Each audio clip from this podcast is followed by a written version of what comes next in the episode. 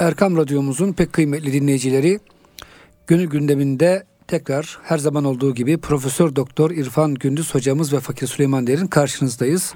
Mesnevi bahçesinden seçtiğimiz birbirinden güzel beyitlerle ve şerhleriyle inşallah sizlere önce kendimiz hocam fayda olmaya çalışacağız. Hocam hoş geldiniz öncelikle. Hoş bulduk. Teşekkür ederiz Süleyman'cığım. Hocam Siz bugün neler var gündemimizde? Gönül gündemimize neler aldık bugün? Önce önce değerli e, dinleyicilerimize sevgi ve saygılarımızı sunuyoruz. 528. beyt. Evet.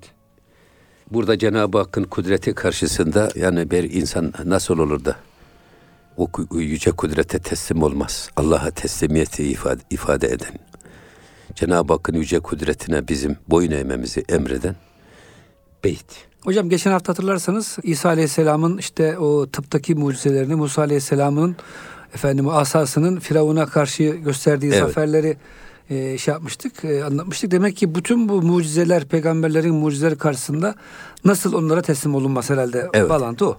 Evet.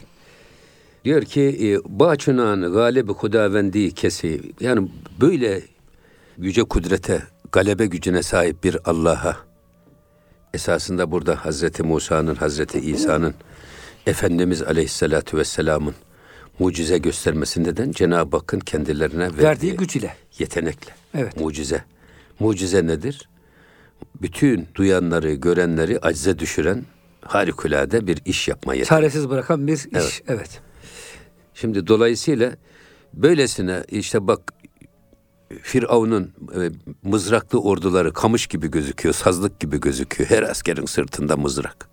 Elinde mızrak hocam. Efendim, Bakınca elle, eller, orman gibi. Orman gibi. Ellerinde bakıyorsunuz adam atıyor ipi yerde yılan oluyor. Bir de sihirde de böyle mahir böyle bir ordu ama bütün bu ordunun karşısında bir tek Hazreti Musa elindeki bir asa. Kılık kıyafet hocam eski püskü belki. Eski püskü bir Sırgı yok, evet. miğferi yok. Ve tek başına ama Allah o Allah. attı mı asayı bütün o mızraklı ordular darmadağın oluyor. Şimdi iş burada e, böylesine galip ve muktedir bir Allah'ın huzurunda bulunan bir kimse. Eğer çer çöp değilse nasıl olur da o Allah'ın önünde boyun eğmez? Çu nemiret yerine başet u hissi. Yani bir zerre kadar irfan bulunan, akıl bulunan bir insan bunları göre göre nasıl Allah'ın kudretine teslim olmaz? Ya. Nasıl onun peygamberlerinin arkasından gitmez? Peygamberler mucize gösteriyor. Sen o mucizeleri görünce ha bu onun Allah'ın peygamberi. Bunu kimse yapamaz. Ve onu hemen ona tabi olup ona ümmet olmak. Evet. Onların peşinden gitmek. Burada irfan ve idrak, mucize. Bak bu meseleyi de esasında mucize peygamberlere has. Bir de Allah'ın veli kullarından sadır olan keramet var. Şimdi keramet meselesi velekat kerremna beni Adem Cenab-ı Hak keramet gösterme yetkisini insanoğluna bahşetmiş.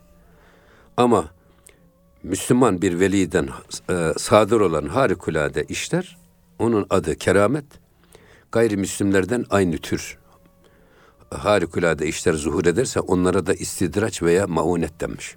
Evet. Ama burada esas bizim insanlarımızın çoğu kamil insanlarda, veli insanlarda, şehirlerinde hep keramet arıyorlar. Halbuki şeyhlerde keramet değil, mürşitlerde keramet değil, bizim istikamet arayan bir anlayışa sahip olmamız lazım. Eğer marifet gökte bağdaş kurup oturmaksa, bak gökte sivrisinek uçuyor, kuşlar uçuyor, ne hava alanları var, ne pilotları var, ne yer kuleleri var. Yuvasını kendi yapıyor, istediği yerde uçuyor, istediği yerde kaçıyor. Marifet uçmaksa esas bu kuşların hepsinin başımıza kutbu azam olarak geçmesi lazım. Hatta hocam gelip kanını da emiyor. Demek ki mari, marifet marifet uçmak değil. Marifet denizde yürümekse o da marifet değil. İnsan denizde yürüse yani bir keramet olarak gösterse. Şimdi bizim insanlarımız onun arkasına peşin hurra dalıp gidiyor. Halbuki marifet denizde yürümek de değil. Öyle olsaydı hamsi balığı kutbu azam olurdu. Marifet kimsenin kaldıramadığı yükü kaldırmak da değil. O zaman filler padişah olurdu. Filler kutbu azam olurdu. Marifet ne havada uçmak, ne suda yürümek, ne kimsenin kaldıramayacağı yükü kaldırmak değil. Marifet, Allah'ın gösterdiği yolda istikamet üzere bulunmak. Bunu Peygamberimiz Efendimiz beni Hud suresi ihtiyarlattı, belimi büktü diyor. Niye ya Resulallah? Festakim kema ümirte. Emrolunduğun gibi dosdoğru. Eyvallah. Canımızın istediği gibi doğru olabiliriz.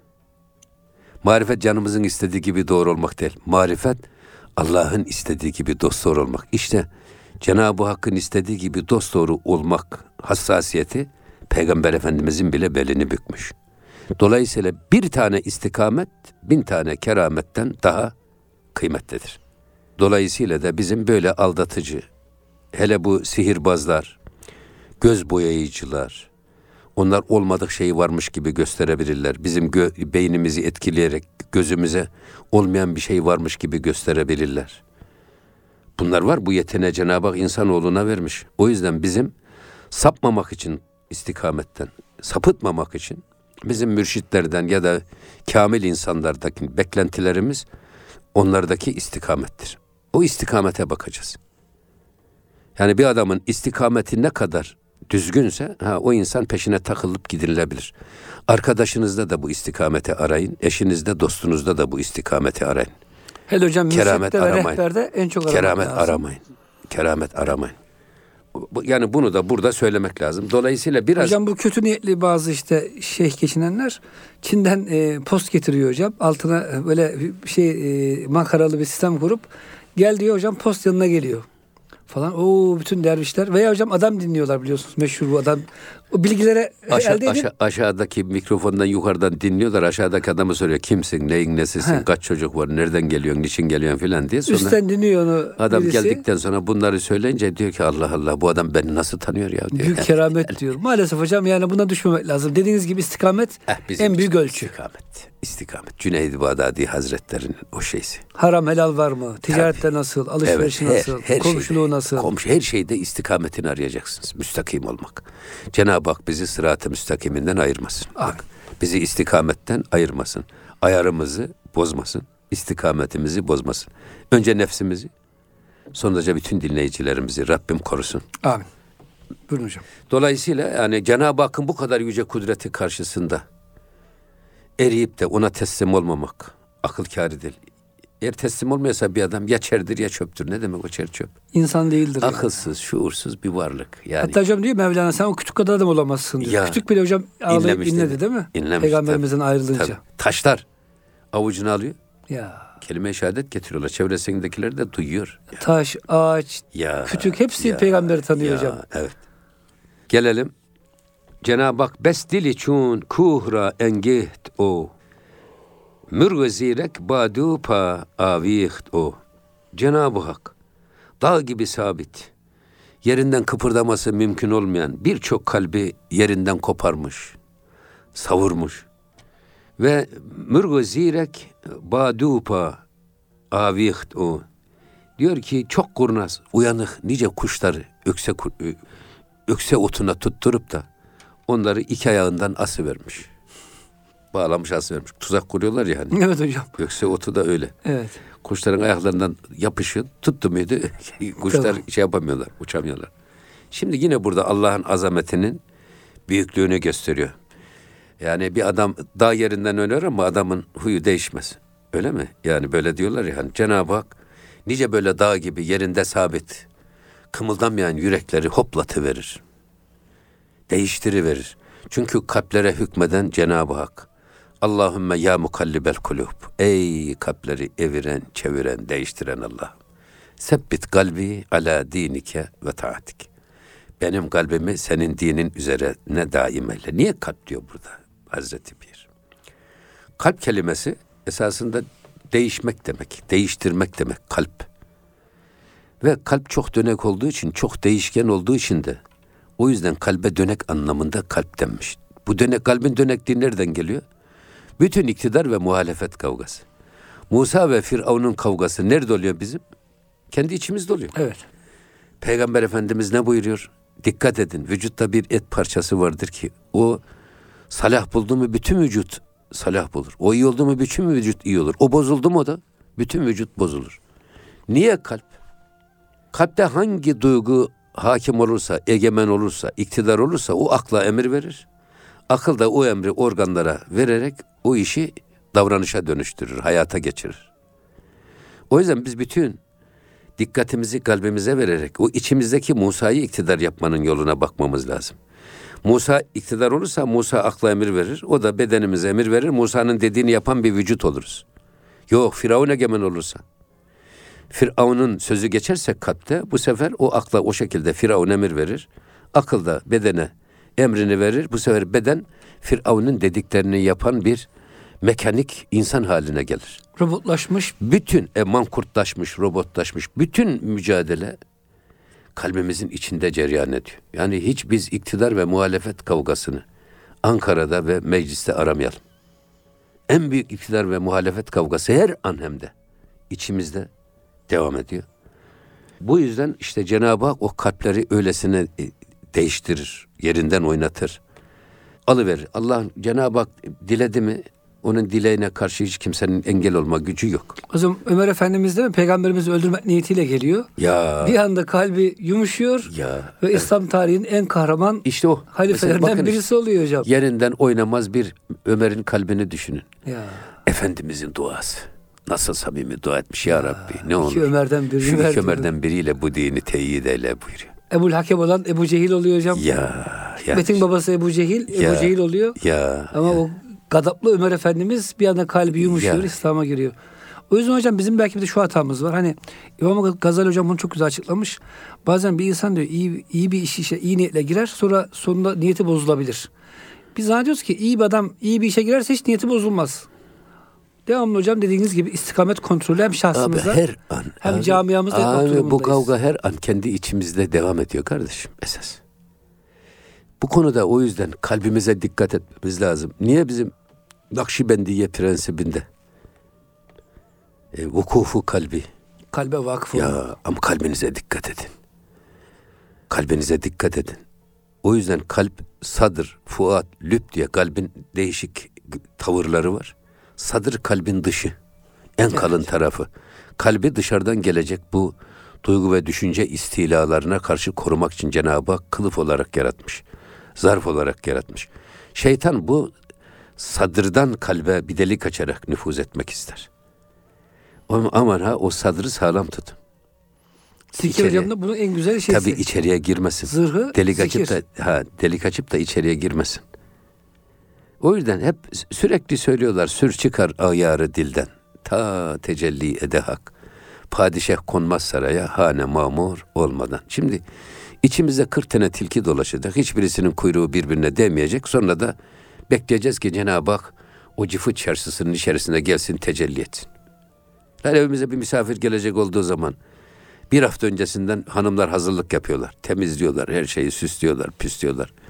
Üç gün öncesinden efendim zeytinyağlılar hazırlıyorlar falan. Niye? Misafir gelecek. Ya, Ya hocam bir komutan hocam bir şey Ya, gelir ya, bir ya. e, garnizona ya, her taraf boyanır hocam Ya, meşhurdur değil tabii, mi? tabii. Tertemiz Teftişe geçirilir, teftişe gelir. ya Cenab-ı Hak e, gönlümüze misafir olmasını istiyorsak eğer, yüreğimizi ayrı kotlarından temizlememiz lazım. Yüreğimizdeki firavunu, nefsi kovalamamız lazım. Ruh saltanat kursun gön- yüreğimizde, gönlümüzde. O egemen olsun. O zaman korkmayın siz işte. Ama bu işte tamam ruhumuz egemen oldu. Ama bu egemenliği sürekli. Şimdi marifet ol, şampiyon olmak değil. Marifet şampiyon kalmak. Bu egemenliği sürekli hale getirmek marifet. Çünkü orada öyle çok el değiştiriyor ki iktidar muhalefet. Bugünün iktidarı yarın muhalefet oluyor. Yarının iktidarı bugün muhalefet oluyor.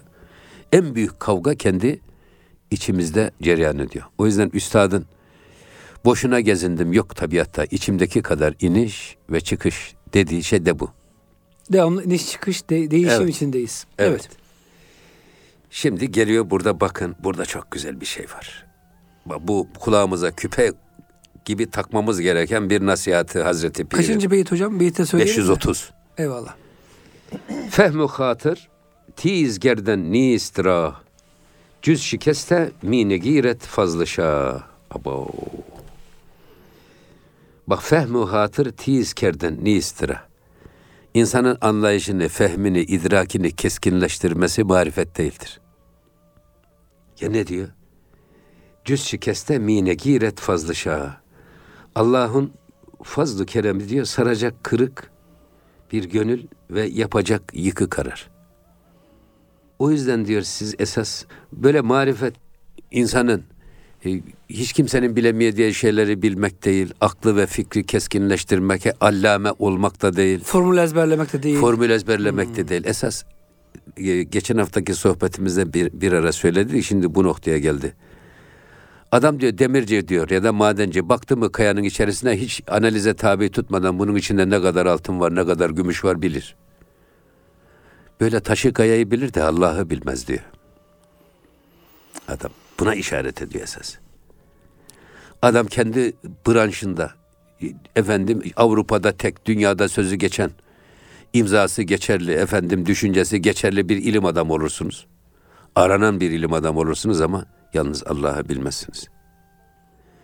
Marifet böyle aklı fikri keskinleştirip, idraki zenginleştirip, efendim hiç kimsenin eri- eri- erişemeyeceği bir seviyeye eren bir adam olmak değil. Marifet esas. Allah'ı bulan bir insan olmak. Allah'ı idrak eden, Hocam tanıyan bir insan aklı olmak. meaş diyorlar. Yani yaşamak için aklı geliştirmek yerine bir de Evet. aklı meaat dediğimiz Aklıma at ha. ahiret aklı. Tabii. Yani hocam baktığın zaman bu altın var da bu altın yaratan kim ve niye yaratmış? Evet. Yoksa hocam e, bugün e, hani hatta diyor hocam geçen bir yazı okudum bir yerde. Bu ne diyor hocam mantıklı aptallık. Yani mantıken şöyle şöyle yapıyorlar hocam en sonunda yaptığı şey büyük bir aptallık oluşuyor. O yüzden hocam dediğiniz gibi yani kalp irfanla Allah'tan gelen o e, aklı maaş ile süslenmezse Evet. aklı meadın maalesef bir faydası yok. Şimdi buradaki bir de şey var. Ee, Cenab-ı Hak esasında yıkık gönül, bükük boyun arar. Allah'ın rahmet akmak için hocam Evet. alçak yani Şimdi- mütevazi şimdi- gönül arar. Tabii şimdi burada benim hiç unutamadım yine Mesnevi'den tabii. Yeryüzünde diyor rahmet her metrekareye aynı düşer esasında. Evet. Fakat diyor bu yağan rahmetten diyor ne dağların kibirli tepeleri ne de kayaların gururlu zirveleri nasibini alamaz. Evet. Oraya da aynı metrekareye düşen yağmur oraya da düşer ama onlar tutmadığı için yağmur suları sızar nereye gider? Oradaki kenarlarındaki çukur mütevazi toprakta birikir. Orman orada olur, vaha orada olur. Efendim bereket orada olur. İşte diyor siz de Cenab-ı Hakk'ın diyor bir rahmet sahnağı gibi yağan rahmetinden, lütfu kereminden nasip olmak istiyorsanız eğer böyle mütevazi olun. Mütevazi olun ki Allah'ın rahmeti gelip sizin o mütevazi yüreğinizde biriksin. Yok böyle dağları ben yarattım de, der gibi, oklava yutmuş gibi gururlu ve kibirli dolaşırsanız size gelen rahmet de sizden sızar, başka mütevazi gönüllerde birikir. Sizden hiç nasip alamazsınız. O yüzden diyor, çok hoşuma gidiyor. Allah'ın fazlından nasip almak istiyorsanız gözü yaşlı, boynu, boynu bükük ve e, gönlü kırık insan olun ki Allah'ın fazlı keremi yapmak için yıkık gönül efendim bükük boyun arar. Esasında hocam Buna işaret. gerçek hayat hocam böyle. Kibirli bir insan mesela sizi bir işe ikram etseniz onu beğenmez. Söz söyleseniz sözünüze kıymet vermez. Mütevazi insan hocam bir şey hediye etseniz, bir çiklet verseniz teşekkür eder. Ya, Yani ya, sırada bir evet. laf söyleseniz Ya. o lafı büyük bir edebiyat ürünümüş gibi ciddiye alır ve kendi istifade eder hocam. O yüzden yine e, geçen sohbetlerimizde de söyledik. Bizim Nurettin Topçu rahmetli hocamız Sorbon'da felsefeyi bitirmiş gelmiş. Kafasının içerisinde bir sürü soru işaretleri var. Batılılar ne doldurduysa felsefi düşün, duygu ve düşünce. Ondan sonra bir arkadaşa geliyor diyor ki aman diyor bana bir hoca bul yoksa çatlayacağım. Bir hoca. O da diyor ki olur diyor ve Hasip Efendi'ye götürüyorlar. Hazip Efendi o zaman çok yaşlı yani 90 küsur yaşında. Diyor ki "Ha, yalnız o, gidip ondan bir izin alayım. Sabahattin Bey zannediyorum o. Sultanamam'da tekstilci. Aman efendim böyle bir adı çocuk var ama demişler işte Fransa'dan geldi. Ama demiş neyi nasıl söyleyeceği belli olmaz. Biraz da demiş şey e, sert tabi mizaçlı. Size getirmek istiyorum onu deyince. O da demiş ki bana getirme demiş. Bizim Abdülaziz'e götür. Abdülaziz Bekkin Hazretleri de 62 yaşında. Onun yaşı küçük ama o bizden büyüktür demiş. Maşallah. Ya ona götürün demiş. Hatta bu Hasibe Efendi için bir şey söylüyorlar. Ee, böyle bir işte baba oğul Hoca Efendi'yi ziyarete gitmişler. Çocuk sormuş. "E, Ya efendim demiş siz benim babama diyorsunuz ki benim öğrencim olur ama benim babam sizden yaşlı gözüküyor deyince evladım demiş. "e, biz dünyanın üstünde oturduk o da dünyanın altında kaldı da ondan böyle yaşlı gözüküyor." yaşlı, yaşlı gösteriyor. Bu sefer Abdülaziz Efendi'ye gitmiş. Demiş ki ya efendim böyle bir e, genç var getireceğim ama yani ne söyleyeceği belli olmaz sizi kırıcı belki de böyle ters laflar da edebilir. Ya e, Sebahattin Efendi demiş. Kafiri getir. Kimi getirirsen getir yalnız kibirliği getirme demiş. Çok doğru hocam. Kibirli kendi şeyini kapatıyor hocam. Ya, algısını. Ya kapat. Size kıymet vermeyerek, size değer Evet. vermeyerek. Evet. Kibirli hoca, insan hocam bir kere etrafına kı- kıymet vermez. En iyi ben biliyorum diyor. Zaten o yüzden ben diyorum ki bir adam bir şeye intisap etti mi eğer yüzde elli bir mesafeyi kat etmiştir. Kibri kırılmış oluyor değil mi hocam? Ben kendimi öyle görüyorum. Yüzde elli biri kat ettik. Niye hocam? Benden daha iyi bilen bir şeyhim var diyor en azından. Bitti. Yüzde elli biri aşmış oluyorsunuz bakın. Çok güzel hocam bir Ya, yorum oldu. Gerçekten öyle yani. Aksi halde adam hiç kimse lan kim diyor benim elime kimse su dökemez şöyle alimim böyle Şeyh alimim dedim kimmiş, Allah mürşit kimmiş, korusun ya. alim kimmiş. Tabii o insanı perişan ediyor. Hocam- E, tabii bu şeyden yani Ne kadar kötü bir şey, marifet aklı fikri zenginleştirmek, aklı keskinleştirmek filan değil. Esas marifet Allah'ı bilmek. Bu dolayısıyla Ahmet Hamdi Aksaki hocanın çok güzel bir şeysi var. Allah rahmet eylesin. Adam diyor ki merviyat rivayetler ya da merviyat rivayetin kaidelerine göre değerlendirilerek onlardan hüküm istinbatı yapılır. Merviyat. Evet. Makulat akıl kullanılarak değerlendirilir. Mahsusat da hisler, duygular kullanılarak değerlendirilir. Eğer siz mahsusatı akılla veya merviyatı akılla ya da hisle değerlendirirseniz sapıtırsınız. Yolunuzu şaşırırsınız. O yüzden e, hatta bugün yine Diyanet İşleri Başkanımızın çok güzel bir tespiti var. Bugün esas sıkıntımız özellikle e, kendini alim zannedenlerin usul bilmemesi. Fıkhın bir usulü var. O usulü bilmeden fıkhi yorum ve hüküm istinbatı yapılamaz. O usulde derinliği bilmemiz lazım.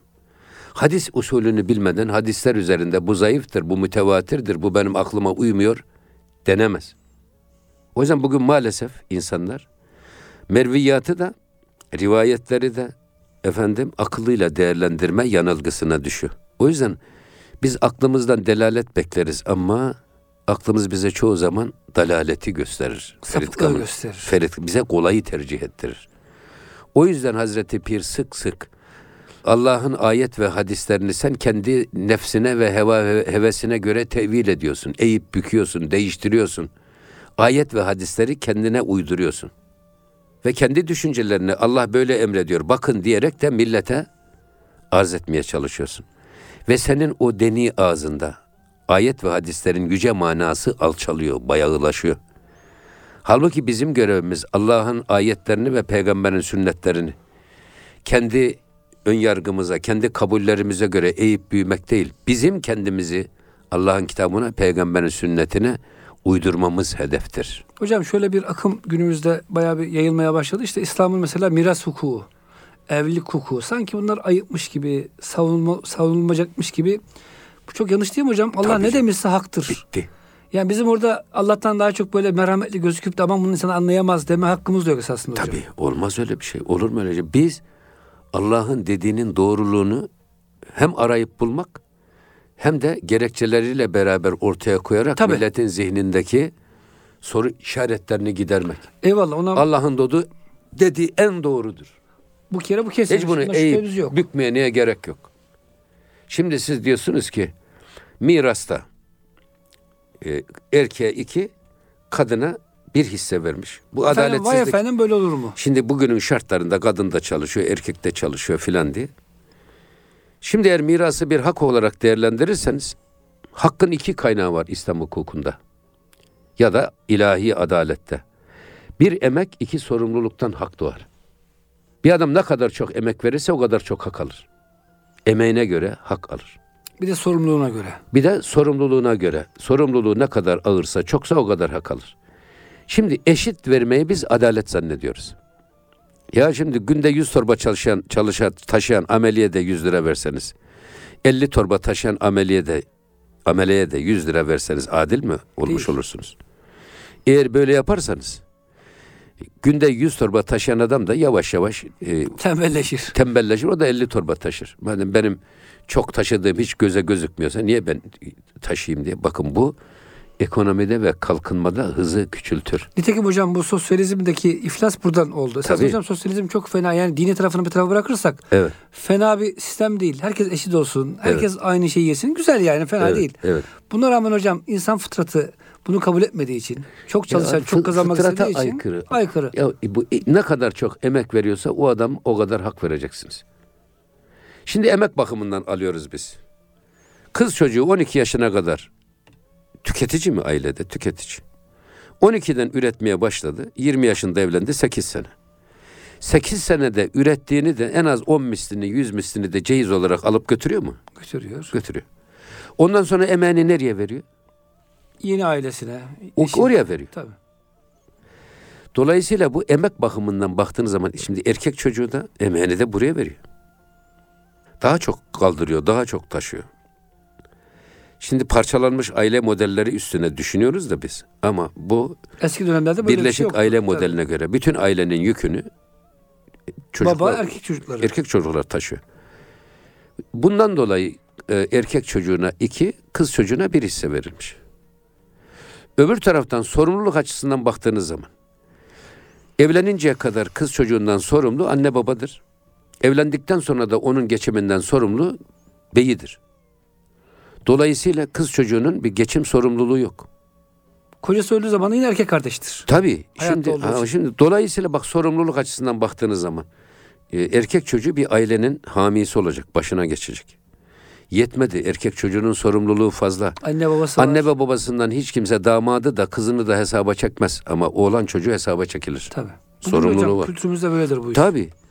Öbür taraftan eniştesine bir şey olsa kız kardeşi ve yeğenlerinin de sorumluluğu ve namusunu yine erkek kardeşten sorarlar. Yani bak bu so- fazla sorumluluk verilince hak da ona göre fazla verilir. Bir de şu var yani, e, yani bu nikah birbirine denk aileler arasında olan bir hadise. Böyle fabrikacının, fabrikatörün kızı kapıcının oğluna kaçmış. Yok fabrikatörün, fabrikatörün oğlu temizlikçi Ayşe Hanım'ın kızını almış. Bunlar ancak Türk, filmlerinde olan. Yaşa Halbuki.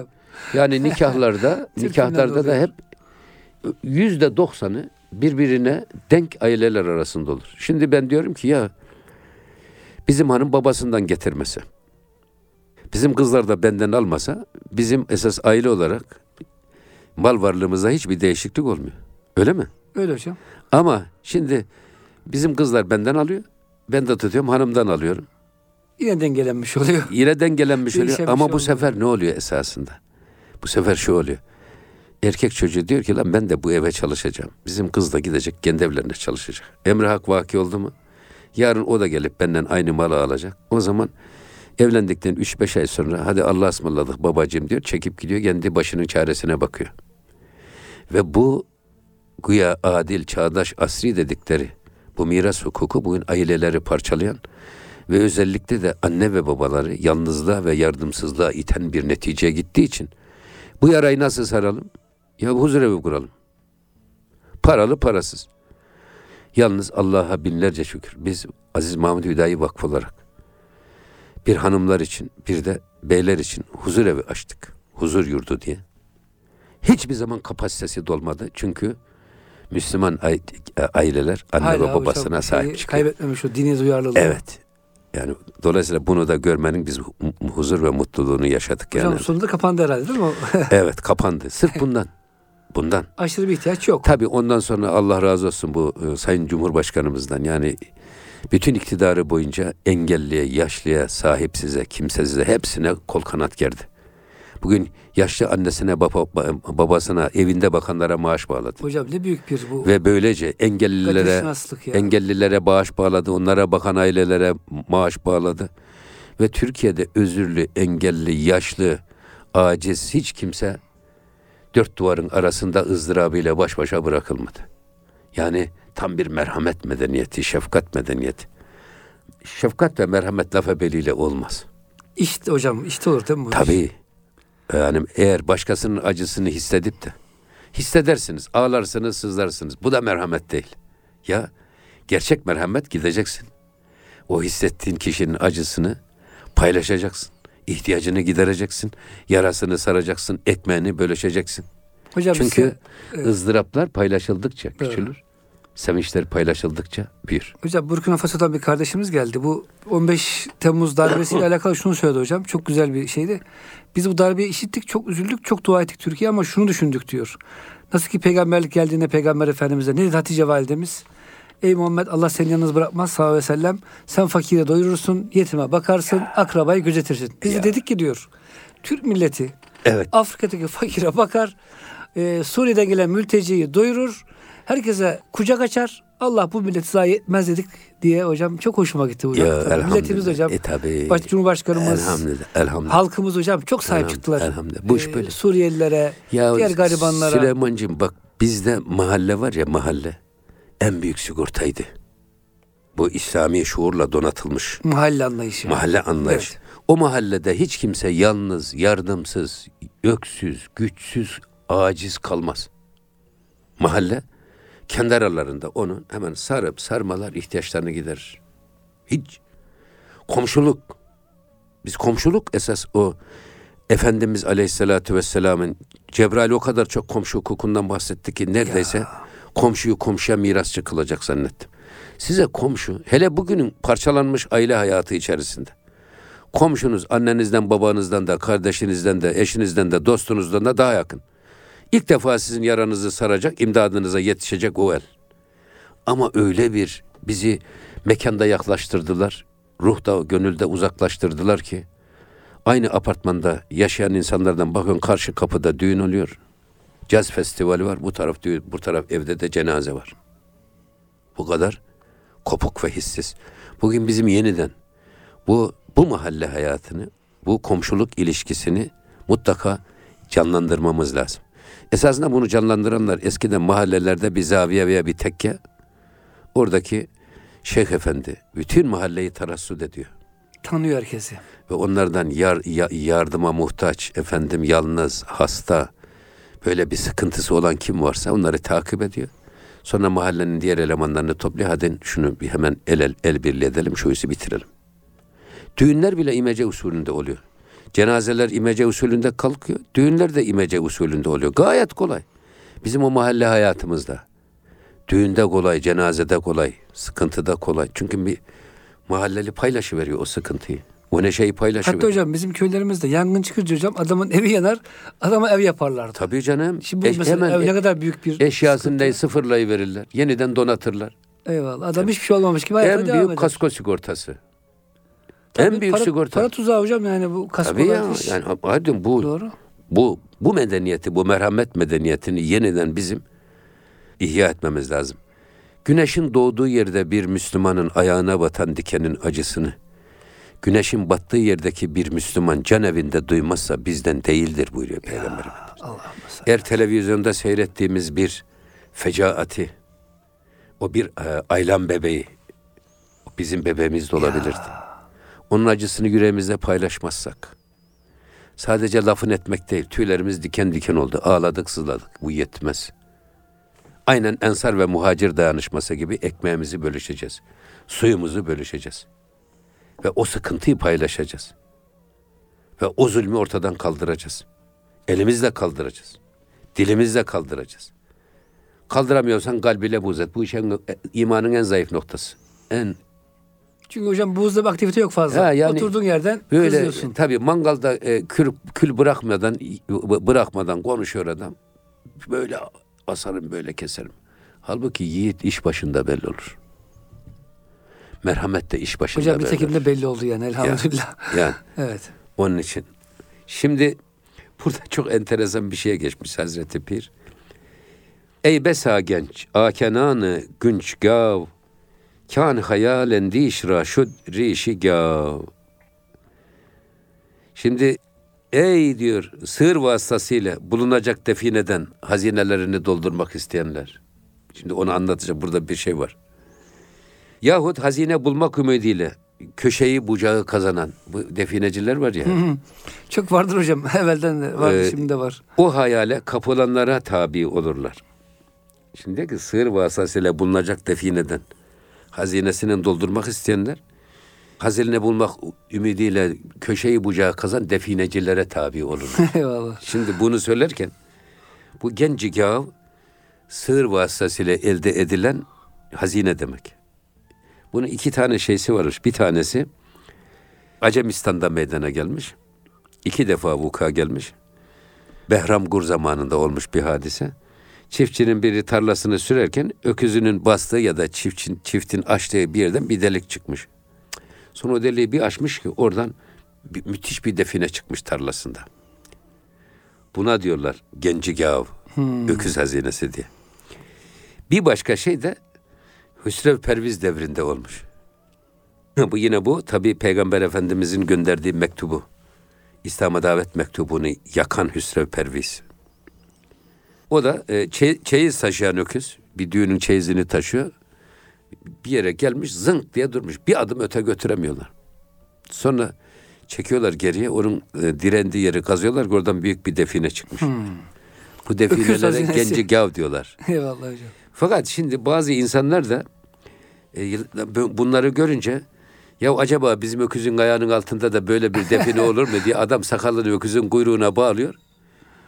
O, o kızın, öküzün affedersiniz kıçını koklayarak giriyor. Yaşıyor. Ama ne zaman bakarsa baksın hiçbirisinde de hazine Hazine çıkmıyor. çıkmıyor. Bunlara da rişi gav tabir olunuyor. Rişi gav define arayıcılar var ya Evet. ona diye. O yüzden sığır vasıtasıyla böyle e, bulunacak hazineler, hazinelere aldanıp da ya bizim de e, bu öküzün bastığı yerde bu tip hazine çıkabilir diyenler ancak o köstebek yuvasına yeryüzünü döndüren bir defineciler var. Mesela bana sık sık geliyorlar ya filan yerde bir define var 55 ton altın var orada. Bana çok geldi hocam. Ya Gidiyoruz. 55 ton altın olur mu? Aslanım biraz mantıklı olur. 2 kilo desen anlarım, 3 kilo dersen anlarım. 50 kilo dersen anlarım da 55 ton altın. Kim bulmuş da kim saklamış? Bugün en zengin devletlerin bile 55 ton altını yok. Yani. Düşünebiliyor musun? hocam bir de onlar şöyledir. Tam buluyorduk.